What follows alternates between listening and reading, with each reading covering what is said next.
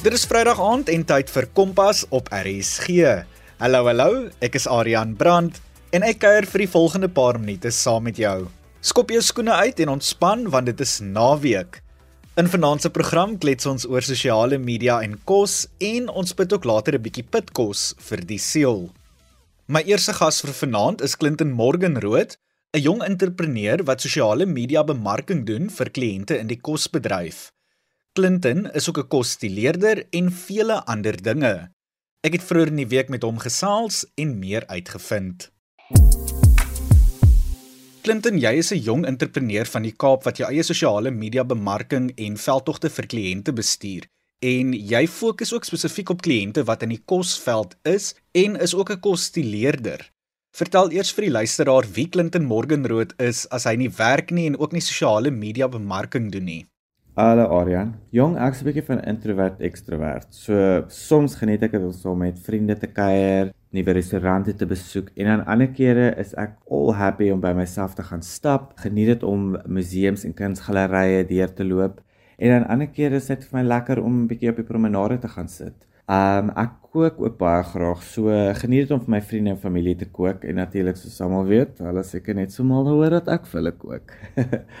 Um ek sniffel ook graag by markte en tweehandse winkels vir rekwisiete of props uh wat ek gebruik vir my kos shoots en ek ook is oor die algemeen baie maal oor lees en ek teken en verf ook baie graag. Clinton, ek het verwys na 'n paar van die hoede wat jy dra en die rolle wat jy vervul. Wat behels jou werk alles en wat is dit wat jy alles doen? So in die industrie bemark ek myself as 'n kosstilis en sosiale media bemarker. Aan die kostelering-kant werk ek agter die skerms, dit behels als van die resep uitwerk, die kook van die dis, uh my fotostel aan mekaar te sit en dan soms ook die fotos van die disse te neem. Um aan die sosiale media bemarkingskant hardloop ek uh besighede sosiale media platforms, dis nou soos Facebook, Instagram, Twitter, TikTok. Dit behels die uitwerk van 'n maandelikse inhoudsplan, uh fotos te neem of af te laai as dit stokfoto's is. Ek ontwerp ook die plasings van hierdie posts en natuurlik dan ook die gegeewe daardie plasings te laai op die sosiale media platforms. Daar's nog vele ander rolle wat ook onder hierdie gegewe platform val, maar ek dink die bogenoemde is basies alles in 'n neutedop.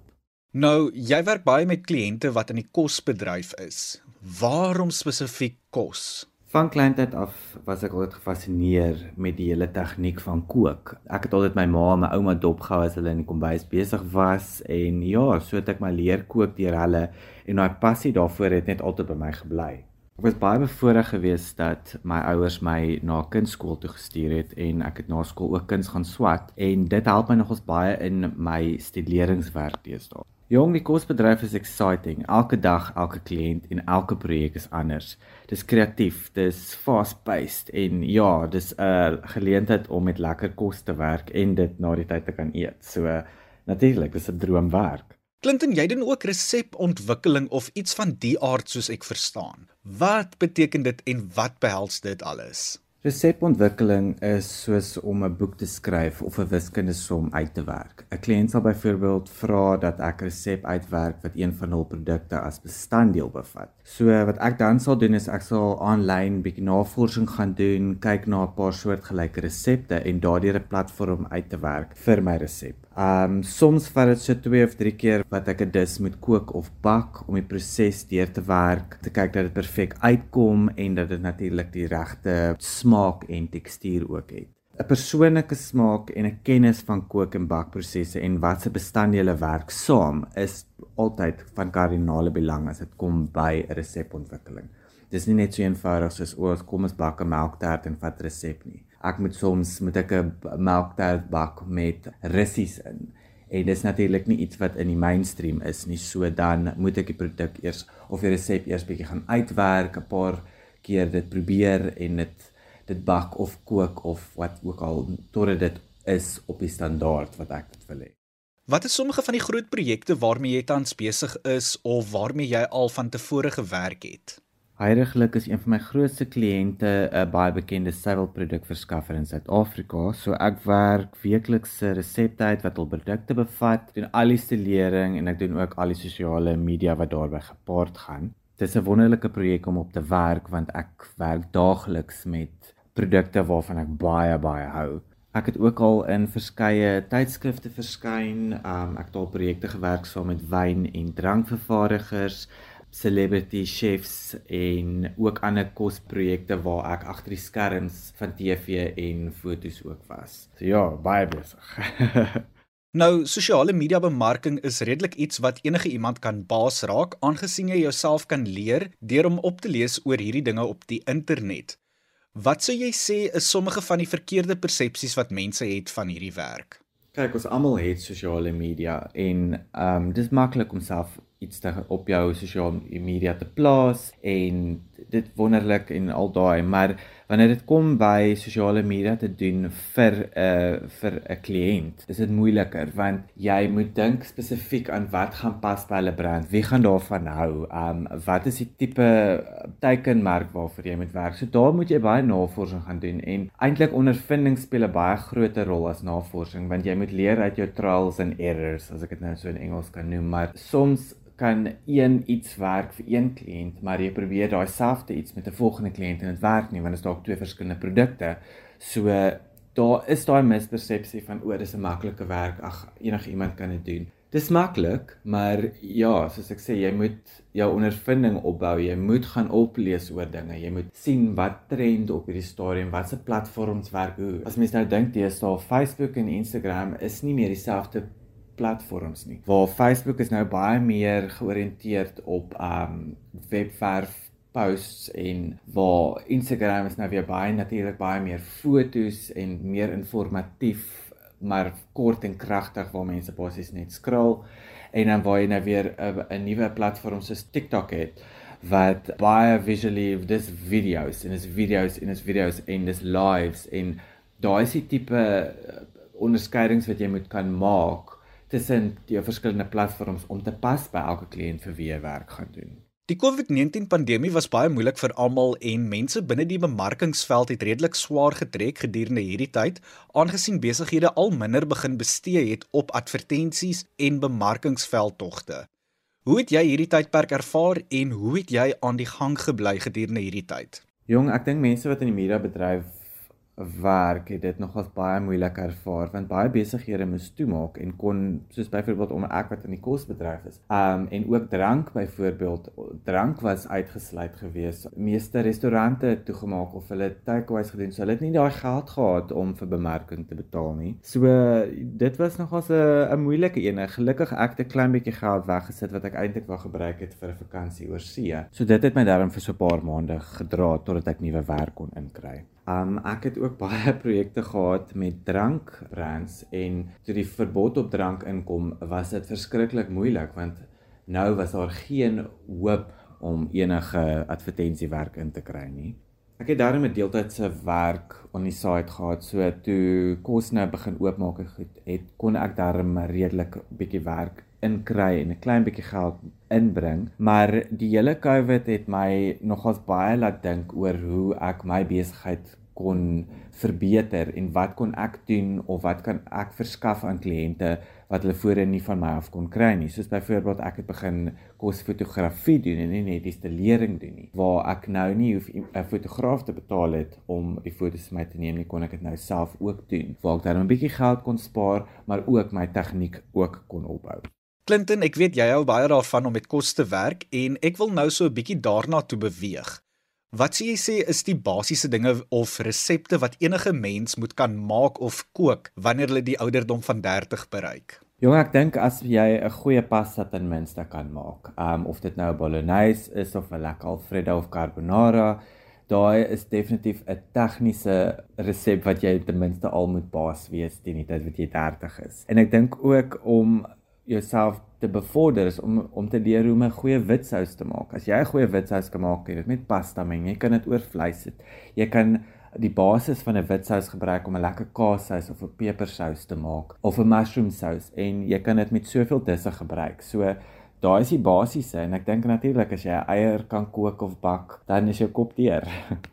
Ek sal erken ek is hulpeloos in die kombuis. As ek kon sou ek 10 teen 1 net van 2 minute noodles en stir fry geleef het. Nou vir diegene wat net soos ek hulpeloos in die kombuis is, Hoe sou jy hulle aanmoedig om beter te raak met kook?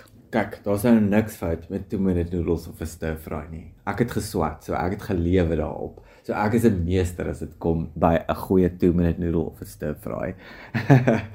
um maar ek dink ons ons is baie bevoordeel dat meeste bestanddele wat jy deesdae in die winkel optel, het 'n resep op en is gewoonlik maklike resepte. So dis die eerste ding om te doen is miskien loop in die blikkie in die kosblikkie aisle af en tel 'n blikkie tomate en eie op en daar sal 'n resep daarop wees. En probeer daai resep. En dis dis soos ek sê, dis meeste van die tyd baie maklike resepte wat ook baie vinnig is om te maak. So ek dink dit is definitief een manier om te begin.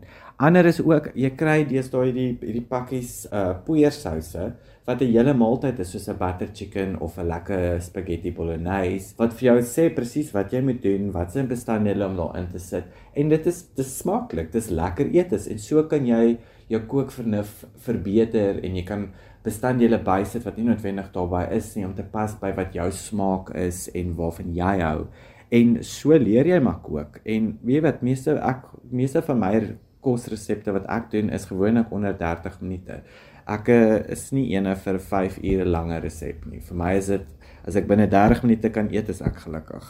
Clinton, mense van ons ouderdom is nie altyd lus om kos te maak na 'n lang dag van werk nie. Watter ete sal jy vir luisteraars aanraai wat vinnig en lekker maklik is om te maak as hulle 'n tipiese blou maandag ervaar? Soos ek genoem het, ons is gelukkig, ons het so baie opsies in winkels om vinnige maaltye te kan maak. Maar ek dink dit is wat wat baie maklik is om te maak is byvoorbeeld ehm, 'n um, lekker pasta is kook 'n hele 500 gram pak spaghetti of macaroni, braai 'n bietjie eie saam met hoender met sampioene in en 'n bietjie groenpeper en jy maak 'n lekker witsous daarbey en jy meng dit in jou pasta en jy eet kos vir so 2 of 3 dae. So jy hoef nie altyd elke aand te kook nie. En dis ook dis maklik om te vries ook. So as jy dit volgende week wil eet, is dit fyn, jy kan dit net ontvries. Goed soos burgers is ook baie maklik om by die huis te maak. Ek bedoel ook kry jy die patties in die winkels, so jy hoef dit nie self te maak nie. Uh chips kan jy in die oond bak, dis klaar gevries as wel, so jy hoef ook nie jou eie aartappels te sny nie. En daar's so baie opsies vir gevriesde groente. Jy kan al geroomde spinasie kry, lekker soet pampoen. Al daai opsies is klaar gemaak, so jy, jy sit maar basies net al jou elemente bymekaar. En ja, ek bedoel op 'n maandag aand as jy nou by die huis kom en jy het 'n rowwe dag by die werk gehad, is dan nou maar nou niks so lekker so warm maaltyd nie. En as 'n lekker pasta gaan altyd maar goed af. Dan Clinton Morgenrood, 'n jong entrepreneur wat sosiale media bemarking doen vir kliënte in die koswêreld wat saam gekuier het en oor kos en werksdinge op Kompas geklets het. Ek moet erken, na daardie gesprek is ek darm ook al 'n bietjie bietjie minder bang om in die kombuis te wees. Ek hoop jy is gereed om jou lewe te verander vanaf September maand wanneer ons afskop met ons splinter nuwe tiener realiteitsradio reeks Kragkamp. Inskrywings is nog oop tot en met Dinsdag toe, so maak seker dat jy jou e-pos stuur. Ons wil jou help om jou lewe te verander, so stuur jou e-pos na rsgkompas@gmail.com. Voel jy gemaklik vir jou skoolboeke, maar ongemaklik vir resepteboeke? Floreer jy op die sportveld, maar jou styl en modesin is 'n flop? Is jy 'n hoërskoolleerder en in die Kaap omgewing woonagtig en altyd reg vir 'n uitdaging om nuwe vaardighede aan te leer? Skryf dan in vir ons nuwe vaardigheidsreeks op Kompas. Stuur vir ons 'n e-pos na rsgkompas@gmail.com En vertel vir ons wie jy is en hoekom jy graag deel van die nuwe reeks wil wees. Dis rsgkompas@gmail.com. Gepraat van lewens verander, my volgende gas se lewe is 'n paar jaar gelede verander in 'n dramatiese manier. Alwyn Eis, wat eens op 'n stadium 'n aktiewe buitemuurse atleet was, moes in 'n kwessie van 'n paar jaar gou vrede maak met die feit dat hy vir die res van sy lewe in 'n rolstoel sou spandeer. Ten spyte van die terugslag wat die lewe aan hom uitgedeel het, het Alwyn nie gaan lê nie. En hy is vandag vir menige ander mense inspirasie. Ek het met Alwyn gesels om sy storie met ons te deel.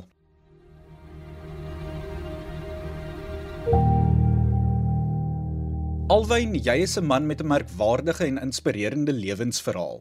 Vir die luisteraars wat nie bekend is met wie Alwyn Eis is nie, wil jy nie vir ons jou lewensverhaal vertel en met ons deel nie? Dankie Aryan, uh dis baie lekker om hier so te wees met jou vandag en ook net om my storie met jou te kan deel. So uh, vir die mense wat my nie ken nie of nog nooit gehoor het van, jy weet, van my storie of my verhaal nie. Um ek moet jou net 'n bietjie terugvat van hoe ek groot geword het. Um in die Oos-Kaap op St. Francis waar baie lief vir die buitelewe en en swem en visvang en jy weet groot geword by die see maar ook op 'n plaas. So um, ek wou net die hele tyd jy weet buite gewees het, saam met my vriende gespeel het, gejag het en visvang en daai tipe leefstyl het het ek heeltemal ehm um, jy weet embrace maar ek was ook baie goed gewees in sport, so ek het ek was baie lief vir rugby gewees en ek het na skool toe wou ek eintlik 'n loopbaan gaan navolg het om om rugby te speel. Toe gaan ek Durban toe en ek speel toe daarso vir die Haie onder 19 akademiespan en na dit toe kom ek Stellenbosch toe uh waar ek my studies voltooi het en ek het vir maties gespeel vir 'n hele klompie jare. Maar hierso toe ek so 21 jaar oud was toe begin ek bietjie uh mediese probleme onder jy weet begin kry waar ek ulceratiewe kolitis opgedoen het. Nou dit is maar 'n uh, tipe van 'n uh genetiese siekte wat wat plaasvind in jou dikterm waar jy klein seertjies begin kry en dit het nou klomp ander komplikasies maar die grootste ding was ek moes eintlik 'n operasie gekry het waar hulle hierdie uh septiese darm nou uitgehaal het en die gevolg daarvan was dat jy nooit weer kan sport doen nie en nog minder gaan jy gaan jy kontaksport kan doen. So dit was vir my 'n uh, massiewe terugslag gewees. Jy weet op die ouderdom van 21 Ehm um, al jou vriende studeer en en kuier en en doen sport en al hierdie goeters en ek het basies, jy weet, daai jaar het ek in 'n hospitaal spandeer net om te probeer lewendig bly, net om te probeer veg vir my lewe en my lewenskwaliteit. En dit was ontsettend moeilik geweest. Ek moet sê dit was dit was die grootste terugslag, jy weet, in my lewe geweest op daai stadium en dat ietsie wel gebeur binne in my op daai oomblik wat ek net besef het dat die lewe het nie kriteria nie. Dat hier is iemand wat lief is vir die buitelewe en sport en so aktief is. Nou gebeur so ietsie met my en die onmiddellike gedagte wat deur my kop gegaan het is, hoekom gebeur dit met my? Kon dit nie met iemand gebeur het wat glad nie lief is vir sport of uh, die buitelewe en so baie aktiewe goeders doen nie? Kon dit nie net liewers met so 'n persoon gebeur het nie? En ek dink ons almal het al so gevoel wat jy dink, "Jesus, maar hoekom het dit nou met my gebeur?" En hoe meer jy met mense praat, dan besef jy eintlik sulke goed gebeur met almal. Dalk nou nie so drasties en so skielik soos dit nie, maar die lewe gebeur met almal. So ek het 'n groot wake-up call gekry op 21 om te besef dat, "Jesus, ek moet nou jy moet vinnig groot word en die lewe hy wag vir niemand nie." So ek dink ook dit het my goed voorberei gaande vorentoe vir wat kom. Ehm um, natuurlik op daai stadium het ek nie geweet wat kom nie. Ehm um, maar toe ek herstel het van hierdie van hierdie siekte en dis nou uitgehaal en uitsorteer. Ehm um, toe maak ek my studies klaar en ek het toe eintlik teruggegaan en ek het toe weer sport gedoen. Ek het toe weer rugby gaan speel. Ek was maar net 'n bietjie hardkoppig geweest en ek wou regtig net teruggaan na die lewe toe wat ek geken het. En ek gaan toe terug en in my heel laaste wedstryd wat ek vir Matie speel, val ek skeef en iemand val met sy knie op my skouer en al die spiere skeur toe net mors af en ek het toe net 'n groot skouerbesering opgedoen. In my heel laaste wedstryd waar ek operasies moet kry, hulle moet die spiere weer heg en jy weet hier kom ek nou net uit al die hospitale uit en nou gebeur hierdie weer. En dit is so half, jy weet my hele gemoedstoestand was toe bietjie geknak geweest want net soos jy wat jy weer op jou voete kom en slat die lewe jou weer dan slat hy weer plat. Ehm um, so ek was 'n bietjie nie op 'n goeie spasie op daai op daai tyd vir my lewe nie en ek maak toe maar my studies klaar en ek hou toe op rugby speel en ek begin toe werk ook en ek herstel toe ook weer daarvan af daai jaar. Dit het my omtrent 'n jaar gevat om weer in dit in te kom net weer, jy weet, jou lewe eintlik terug te kry. En aan die einde van 2014, dis toe ek nou 24 jaar oud was, Desember vakansie, die eerste naweek wat ek nou verlof vat uh van my werk af. En ek is op pad na my meisie toe en in een oomblik vat ek my oë net van die pad af wat ek wat ek net nie fokus waar kyk nie. En dit gebeur so vinnig, jy weet, um ek het nie Ek het nie vinnig gery nie, was nie onder die invloed nie. Dit was nog lig buite gewees, al was geen ander karre betrokke nie en dis so 'n onskuldige oomblik hoe ek net vir 'n oomblik nie kyk waar ek ry nie en die voorwiel van my kar vang die grys van die pad. En op daai oomblik, toe skrik ek vir die geluid want dit maak net ons 'n jy weet 'n eindaardige geluid, daai grys klippietjies op jou wiele. En ek skrik toe en ek ruk die stuurwiel net so 'n bietjie te hard. En op daai oomblik, toe verloor ek beheer van my kar. En um ek onthou net hoe die kar, jy weet, links en regs oor die pad gaan en ek gaan toe links af by so 'n afgrondjie. Toe begin die kar rol. Um dis eintlik waar ek bewussyn verloor het. So die volgende oomblik word ek wakker en hier lê ek langs die kant van die kar en mense of iemand was by my en hy sê toe net vir my hoor jy lê net stil, jy het jou rug baie seer gemaak. En um ek onthou ek het nog toe gedink soos hoe weet hy wat fout is. Hoe weet hy ek het my rug baie seer gemaak. En in elk geval die ambulans kom toe en dit is so of jy weet 'n lang storie na kort, dit is toe toe my lewe onherroepelik verander het op daai oomblik. Soos dis nie ietsie wat mens gekies het nie. Dis 'n frats ongeluk en jy kan nie die horlosie terugdraai nie. Jy sit nou in hierdie posisie, ehm um, wat jy hulle kan niks vir jou doen nie. Daar's geen operasie of enige ietsie wat jou gaan help hierdeur nie. Hulle kan nie jou rug weer heg en jy gaan weer begin loop deur 'n operasie of mediese vordering of enigiets nie. So ja, toe moes toe moes ek begin verantwoordelikheid neem en ek moes begin deel het met hierdie gebeurtenis en ek moes toe verantwoordelikheid neem vir my lewe wat gebeur het wat wat ek bestuur het en ja, ek ek dink dat ietsie ook net binne my oor gekom. Natuurlik ek is 'n gelowige persoon So hoe die Here net met my begin werk en net om vir my te sê, maar weet jy wat, jy sien dalk nie 'n pad uit nie, maar daar is nog steeds hoop en ek het nog steeds 'n plan vir jou. En toe moes ek regtig net met al twee hande hierdie nuwe lewe, nuwe leefstyl, hierdie nuwe journey aanpak uh tot die beste van my vermoë en die wonderlike ding is jy weet eintlik nooit wat binne in jou is nie wat die Here binne in jou geplaas het nie tot die oomblik wat jy so gedryf word om dit uit jou uit te kry. Jy weet 'n moeilike omstandighede, dit squeeze jou amper. Dan kom jy dan kom jy waar jy eintlik uit. En ek het nooit gedink ek sou, jy weet, ooit eers 'n eysterman kon doen nie. Let wel 'n eysterman in 'n rolstoel. Maar dit is deur alles wat gebeur het wat my eintlik maar net die krag gegee het om dit te kan doen. Alwyn, ek het genoem dat jy 'n inspirerende lewensverhaal het en dit is beslis so. Jy is beslis 'n voorbeeld van iemand wat nie moed opgee wanneer dinge moeilik en swaar is nie en wat altyd bly vas staan. Waar kom jou moed, krag en inspirasie vandaan? Ek moet nogal sê, jy weet, dit was nog altyd 'n verrassing vir my gewees. Ehm um, dat ek het nooit eintlik geweet dat ek is tot al die goeders in staat nie uh om dit te doen nie. Maar Ek glo die Here plaas goeders binne in ons en dit kom eers eintlik uit daai ware kleure, jou ware karakter kom eintlik eers uit onder moeilike omstandighede. Dis soos 'n diamant. Jy weet, hy moet eers daai daai drukking ervaar om van 'n steenkooltjie na 'n diamant toe te gaan. En ehm um, ek het dit net ervaar deur my lewe. Ek glo alles van die verlede, hoe ek groot geword het en al die jy weet mediese probleme wat ek ervaar het, het my eintlik maar net voorberei uh vir wat ek eendag moet doen of uh waarvoor ek geroep is. So uh, dit was vir my ook 'n hele nuwe journey gewees om om te ontdek regtig wat het die Here binne in my geplaas en om dit uit te soek, om daai goud uit te soek deur al hierdie omstandighede en, en ek glo die Here plaas dit binne in ons elkeen tot 'n tot 'n ander mate dit lyk anders in almal se lewens maar daar is goud binne in almal en ons moet net regtig waar deurdruk om om dit te kry. Jy moet jy moet regtig gaan daarvoor want ek glo die Here plaas sulke mooi goeders binne in ons, maar dit kom eers eintlik uit uh sodra die lewe ons bietjie beproef op die einde van die dag.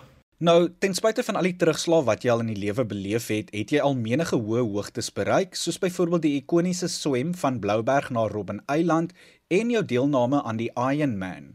Vertel vir ons meer van al hierdie merkwaardige prestasies en die ander dinge wat jy al in die lewe behaal het. Ja, ek het ek het na my ongeluk toe besef ek net, jy weet, jou lewe kan môre weggeneem word vanaf jou. Jy kan môre alles verloor. En ek weet ons sê dit baie en baie mense weet dit, Maar ek het daai realiteit geleef uh waar ulceratiewe kolitis amper my lewe geneem het. Um ek het al breinvliesontsteking gehad wat nie baie mense eintlik van weet nie, maar dit het ook amper my lewe geneem van infeksie en toe nog die kar ongeluk ook. So ek het ek het jy weet vroeg af besef in my lewe, um voor die ouderdom van 25 het al hierdie goeters gebeur. So op 'n op 'n string. So in in 'n paar jaar het ek deur ongelooflike moeilike goeters gegaan en ek het net besef, "Jesus man, jy weet die lewe is regtig kort en jy kan môre alles verloor." Um wat ons hou van uitstel. Jy weet sê nou maar ons wil 'n eysterman doen. Net 'n voorbeeld. Nie almal is is in sport in nie, maar ek wou nog altyd 'n eysterman gedoen het. Um selfs voor my ongeluk. En ons stel dit die hele tyd uit soos ja, ek wil dit doen en ek gaan dit nog eendag doen. En eendag is dalk te laat. Jy weet nie wanneer is die is die einde nie van jou paadjie nie. So uh, ek het net besef man ek moet alles doen wat ek wil doen. Ek moet alles gaan. Ek moet ek moet my drome najag. Ek moet 'n vol lewe lei. Ehm um, want ek weet nie wanneer is die einde nie. En die woord praat ek daarvan. Ons weet nie wat gebeur môre nie. Ons het al hierdie planne, maar ons weet nie wat gebeur môre nie en ons moet regtig lewe vir vandag en ons moet voluit ook lewe. So die interessante ding is die die swem wat ek gedoen het van van Robben Eiland na Blouberg die Robben Eiland kruising. Ehm um, dit is nie oorspronklik ietsie wat ek wou doen nie. Dit is net iets wat ek gevoel het die Here op my hart sit om te doen. Ehm um, ek is nie iemand wat lief is vir swem nie of ek was nie. Ek is nou baie lief daarvoor. Ek was nie. Ek kon nie swem nie. Ek moes geleer het om te swem na my ongeluk. Uh wat ook 'n groot proses was, baie moeilik om eintlik te leer hoe werk jou liggaam, hoe swem jy? Um, veral met 'n gestremdheid. En dis maar ietsie wat die Here op my hart gesit het en nou na die tyd kon ek regtig sien uh, hoekom ek dit moes doen want um, ons het 'n dokumentêr gefilm daarvan wat op Mnet uitkom binne die volgende maand of so. En daar het 'n boek daarvan afgekom. Ek het 'n boek geskryf 'n autobiografie. En die Here het regtig waar merkwaardige deure oopgemaak uh om my getuienis te deel om die evangelie te deel En dis ongelooflik, jy weet, as die Here iets op jou hart sit, dan ons moenie twyfel nie, ons moet net gaan daarvoor. En die eysterman, ja, dit was meer my eie ambisie, sou ek sê. Um ietsie wat ek regtig graag wou doen, 'n droom van my. En 'n vol eysterman vir as die mense wat nou nie weet nie, is 'n 3.8 km swem in die see, 'n 180 km fietsry en dan daarna 'n 42 km hardloop. En ek dink die rede hoekom ek dit wou doen, omdat ek nog altyd 'n sportman is en ek het gehoor van die eysterman, toe dink ek, "Jo, dit dit is 'n merkwaardige sportprestasie om so ietsie te kan doen." En ek wou ek wou regtig waar dit probeer het om te dink, "Kan ek so ietsie doen? Is is ek in staat om so ietsie regtig te doen?" En toe na my ongeluk, toe voel ek net, weet jy wat, ek het niks om te verloor nie. Ek gaan ek gaan gaan vir hierdie. Ek gaan dit probeer doen. En toe begin ek oefen op voor en dit was 'n ongelooflike proses gewees om al hierdie goeters te leer, om te leer swem, om leer fiets te ry, handfiets te ry, om om te leer in 'n resies rolstoel te te werk en te stuur en te oefen. Dit was 'n ongelooflike uitdagende journey gewees, maar ek het nog nooit so baie ek het nog nooit so lewendig gevoel nie. Sal ek dit nou sê om om dit te doen nie. En dit was merkwaardig geweest ook om om saam met mense te kan deelneem want in 'n eysterman neem jy deel saam met normale mense op hulle bene en dis dis die lekker ding. Want meeste mense met 'n gestremdheid wil nie anders hanteer word nie. Jy wil net hanteer word soos almal anders. Um ek besef ek kort hulp met sekere goeders, Maar ek wil eintlik maar net doen wat almal doen. Ek wil net weer teruggaan na 'n normale lewe toe. Um wat wat so ironies is as jy daaroor dink want ons almal wil uniek wees en ons almal is uniek. Ons is werklik uniek. Maar sodra jy uniek is in die sin van nou jy gestremdheid, nou wil jy net weer normaal wees. Jy wil net teruggaan na jou normale lewe toe.